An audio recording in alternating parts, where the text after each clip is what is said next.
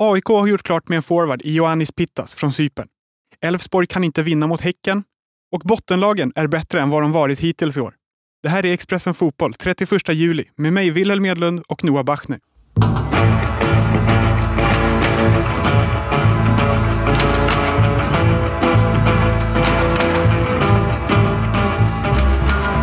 Ja, vi börjar direkt med AIKs nya anfallare Noah. Ioannis Pittas från Cypern. Vad vet du om honom? Ja, det som har skrivits i svensk media mer eller mindre. Eh, jag måste ju vilt erkänna att jag inte följer den cypriotiska ligan jättenära. Men eh, av allt att döma en forward med stora kvaliteter som ju har varit bra i den cypriotiska ligan och som eh, ser ut att ha egenskaper som AIK verkligen behöver. Han verkar ha både fysik och eh, målsinne och huvudspel och eh, targetspel. Så att, eh, AIK behöver ju en, en forward som fungerar. Han kommer närmast ifrån Apollon Limassol på Cypern och har kontrakt över säsongen 2025. Men eh, han har aldrig spelat utanför Cypern. Kan det vara ett eh, orosmoln? Skulle det kunna vara, eh, såklart. Samtidigt så finns det massa spelare som har spelat väldigt länge i Allsvenskan som inte funkar ändå. Så att, eh, jag tror att man ska vara försiktig med att dra stora slutsatser av det. Däremot så, Cypriotiska ligan har ju haft ganska hög ranking de senaste åren. Det har ju i synnerhet berott på ett eller ett par lag, fåtal lag som har klarat sig bra i Europaspel. Eh, men, men så min gissning är att den kanske delar av den inte håller så mycket högre kvalitet än allsvenskan, utan kanske till och med är lite sämre. Eh, sen är det vissa andra omställningar såklart med att komma till Sverige. Men så här för AIK så tror jag att det verkar vara det namnet de siktat in sig på i första hand. Det var jätteviktigt att de fick honom då, att han inte gick till till exempel Häcken som ju också verkade ha ett visst intresse i honom. Eh, utan att eh, de, de har identifierat en forward som de tror funkar för det spelet de ska bedriva nu under Henning Berg. Eh, så eh, är det ju liksom avgörande att de får sitt första val där och att det inte blir någon, att de måste gräva fram någon panikvärvning här ju närmare vi kommer fönstrets slut. Så jag tror att på många sätt en bra signal från AIK. Till AIKs egna kanaler har han sagt att jag är inte en stor anfallare, men jag rör, mig på, jag rör på mig väldigt mycket. Och det är mm. väl exakt det de behöver. Ja, precis. Och de behöver, han verkar ha fysiken med sig, även om han inte är stor. Att han verkar vara kraftfull liksom, i många av sina aktioner. Och det är absolut det de behöver. AIK spelar mot Sirius ikväll och han är inte med i truppen. Han är väl antagligen inte spelklar än. Men eh, vad, vad tänker du inför kvällens match? Eh, jag tror att AIK eh, kan få det tufft. Sirius gjorde en ganska bra match mot Mjällby när de förlorade hemma och eh, Eh, har haft rätt okej okay spelmässig trend tycker jag ett tag. Även om de eh, åkte på någon, någon plump på slutet nu så tycker jag att de ja, nu tappade de Jamie Roche till, eh, till Schweiz. Så att, eh, lite svårbedömda, men absolut inte så dåliga som det kan se ut på vissa av deras resultatstreaks som de har haft i år. Utan jag tycker att de är lite bättre än vad de ligger i tabellen. Så att, inte alls en enkel bortamatch för AIK. Om vi kollar på de lagen som ligger under AIK så har vi Varberg och Göteborg och båda lagen stod för eh, ganska imponerande vinster. Ja, verkligen. Inte minst Varberg. Som, eh, jo, eh, det var väldigt kul med den här avsparkstiden i Halmstad. Det har säkert skämtats mycket om nu, men den här att, eh, då att man lägger derbymatcherna klockan, ja, men vad det är, klockan 15 på söndagar och försöker undvika för mycket liksom alkohol och fylla och, och sådär i anslutning till dem på olika sätt. Och så kommer det här derbyt då mellan Halmstad och Varberg 20.00 en lördagkväll. Liksom en, helt, en helt ortodox avsparkstid för, för allsvenskan, eh, vilket jag uppskattade väldigt mycket. Och sen då att Varberg klev in och, och visade var skåpet skulle stå någonstans i den matchen. Vilket uppsving de har nu eh, sen de bytte tränare Varberg. Och det är ju lite, lite läskigt såklart för lagen i botten som ju uppenbarligen känner sig eh, jagade, beter sig jagade också eftersom de också har börjat vinna då här. Eh, både Blåvitt och Degerfors.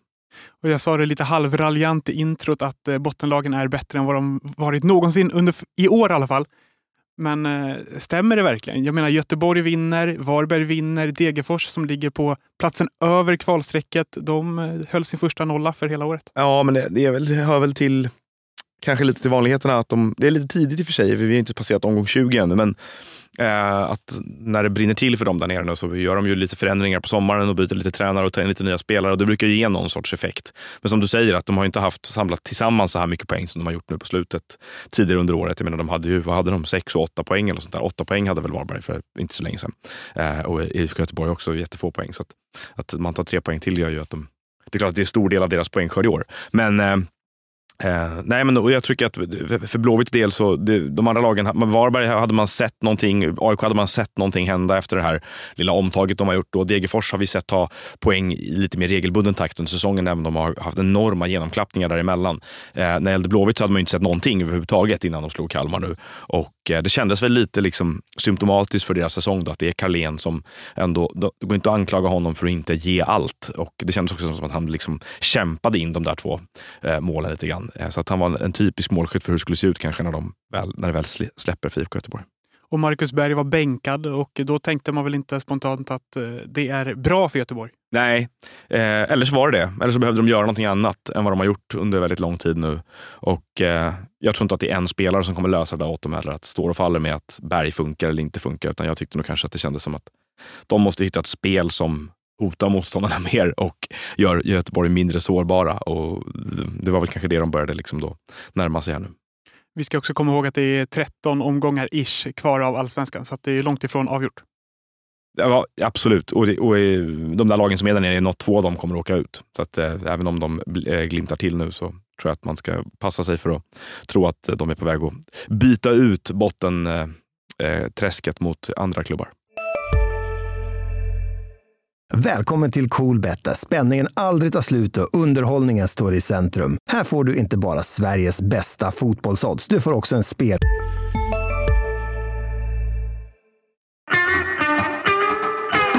Om vi istället tittar längre upp i tabellen på Häcken och Elfsborg. Du sa i eh, vårt tv-magasin att eh, Elfsborg är klara favoriter och det var nog många som trodde, fast Häcken blixtrade till och eh, vann. Ja, ett för Elfsborgs del beklagligt ögonblick i säsongen. Att de får den här gyllene möjligheten. Inte bara att de tar ledningen utan att de därefter får spela med man mer under så lång tid eh, och ändå inte lyckats ta ens, en poäng borta mot Häcken. Det kan ju bli, visa sig vara en väldigt viktig poäng. Och inte minst tre viktiga poäng för Häcken som ju har förmodligen då ganska många Europamatcher kvar här eh, och där eh, det kan störa till det för dem och Elfsborg behöver liksom all marginal de kan få. Eh, det skapar ju såklart en stor öppning för Malmö FF igen. Då. Vi, hade ju liksom på känn att Elfsborg kunde rycka åt sig en liten distans ner till de andra lagen i toppen där. Eh, men nej, en, en dålig eftermiddag för Elfsborg måste man säga på flera sätt. Elfsborg har förlorat två matcher i Allsvenskan nu och det var i första omgången mot Häcken och det var nu mot Häcken och däremellan var de obesegrade. Mm. Vad gör Häcken som Elfsborg inte klarar av? Ja, men jag skulle vilja säga att jag tycker Häcken har spelare för spelare ett lite bättre lag än Elfsborg har egentligen. Elfsborg har dock ett, eh, har andra egenskaper i laget som gör att de kanske som gör att de ligger där de ligger. Eh, Elfsborg kom in i den här matchen med bättre form. Eh, häcken hade varit lite skadedrabbade eh, och sådär. Det som, det som jag upplever är, är skillnaden mellan lagen kanske är lite att Häcken har ett annat lugn i spelet med bollen lite grann. De kan både, precis som Elfsborg kan de ju både ställa om och eh, driva spelet. Men de är mycket tryggare i att driva spelet. Elfsborg blir lite mer ängsliga när de måste, när de måste driva spelet. Och det är ju eh, lite det som händer i den här matchen också. Kanske att när initiativet hamnar hos Elfsborg och de inte kan eh, ja, spela sin rakare spel då, så får de ju problem mot ett av allsvenskans bästa lag helt enkelt. Kan vi sträcka oss så långt som att det var bra för Häcken att eh, Ibrahim Sadiq vart utvisad? Nej, men de var bäst lämpade av alla lag i serien tror jag på att hantera en sån matchbild som uppstår då. Eh, framförallt med tanke på att de har, ja men deras mittfält inte minst, de ju kan behålla lugnet i vilken situation som helst. Och just den här utvisningen var ju en ganska stökig situation. Lagerbielke drar i Sadik och eh, han vänder sig om och försöker måtta en knuff och eh, Lagerbielke lägger sig och efteråt säger han att han har blivit slagen. Sadik säger att han filmade som en fisk och att eh, ja, att han bara försökte knuffa honom helt enkelt. Han skulle göra exakt samma sak som Lagerbielke redan hade gjort mot honom. För det första, filma som en fisk är nytt, eller? Ja, hur filmar en fisk? Jag har aldrig sett det tror jag. Alltså, det vore konstigt om man tog upp en fisk som, som spelade över. Alltså om man fiskar till exempel. Ja, Nej, men, det, är, det är någonting att fundera ja. på.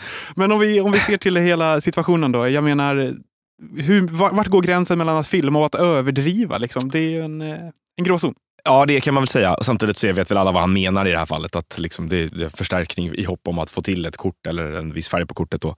Eh, jag tycker situationen är lite svårbedömd eh, utifrån jag förstår ju att Sadik känner att den är, det sker mycket sådana här situationer där det inte blir rött kort. Att domaren försöker kyla ner stämningen istället och dela ut gula kort. Vi hade ju en liknande mellan Hammarby och Norrköping här då, där Erabi och eh, Ceesay var ju väldigt nära varandra och det var måttades skallar och knuffades och sådär, där Erabi stod upp och det blev bara eh, gult kort istället. Så det är klart att Sadiq kan titta på andra händelser och tänka att det här var lite hårt att jag skulle få rött kort för det här och såklart tycker han att Lagerbielke har gjort saker för att förstärka det.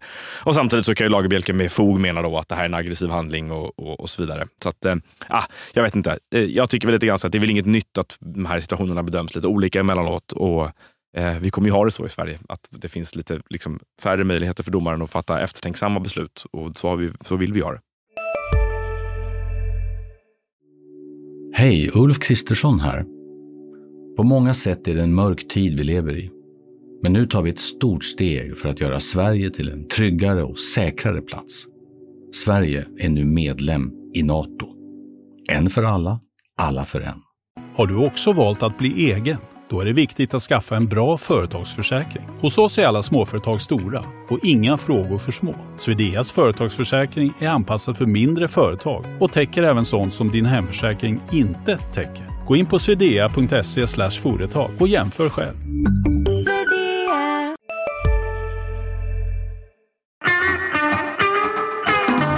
Och om vi ser till Häckens sportsliga möjligheter efter det här. Då, han kommer att bli avstängd i tre matcher nu ifall att den här avstängningen står sig. Det går väl att överklaga tror jag.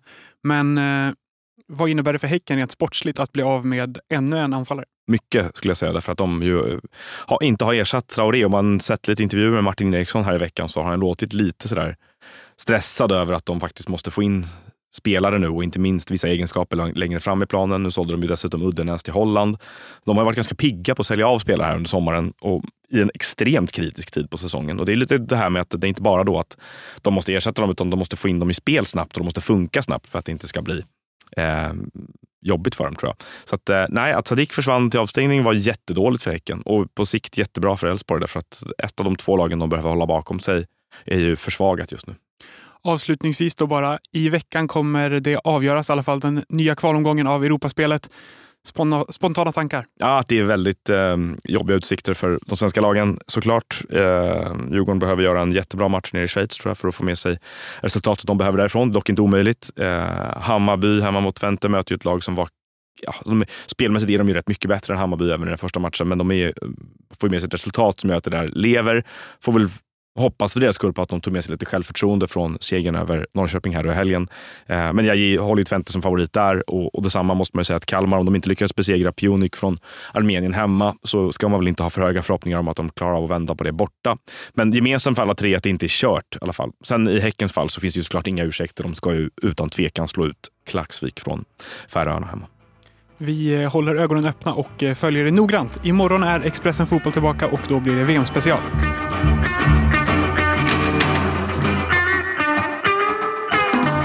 Du har lyssnat på en podcast från Expressen. Ansvarig utgivare är Karin Olsson.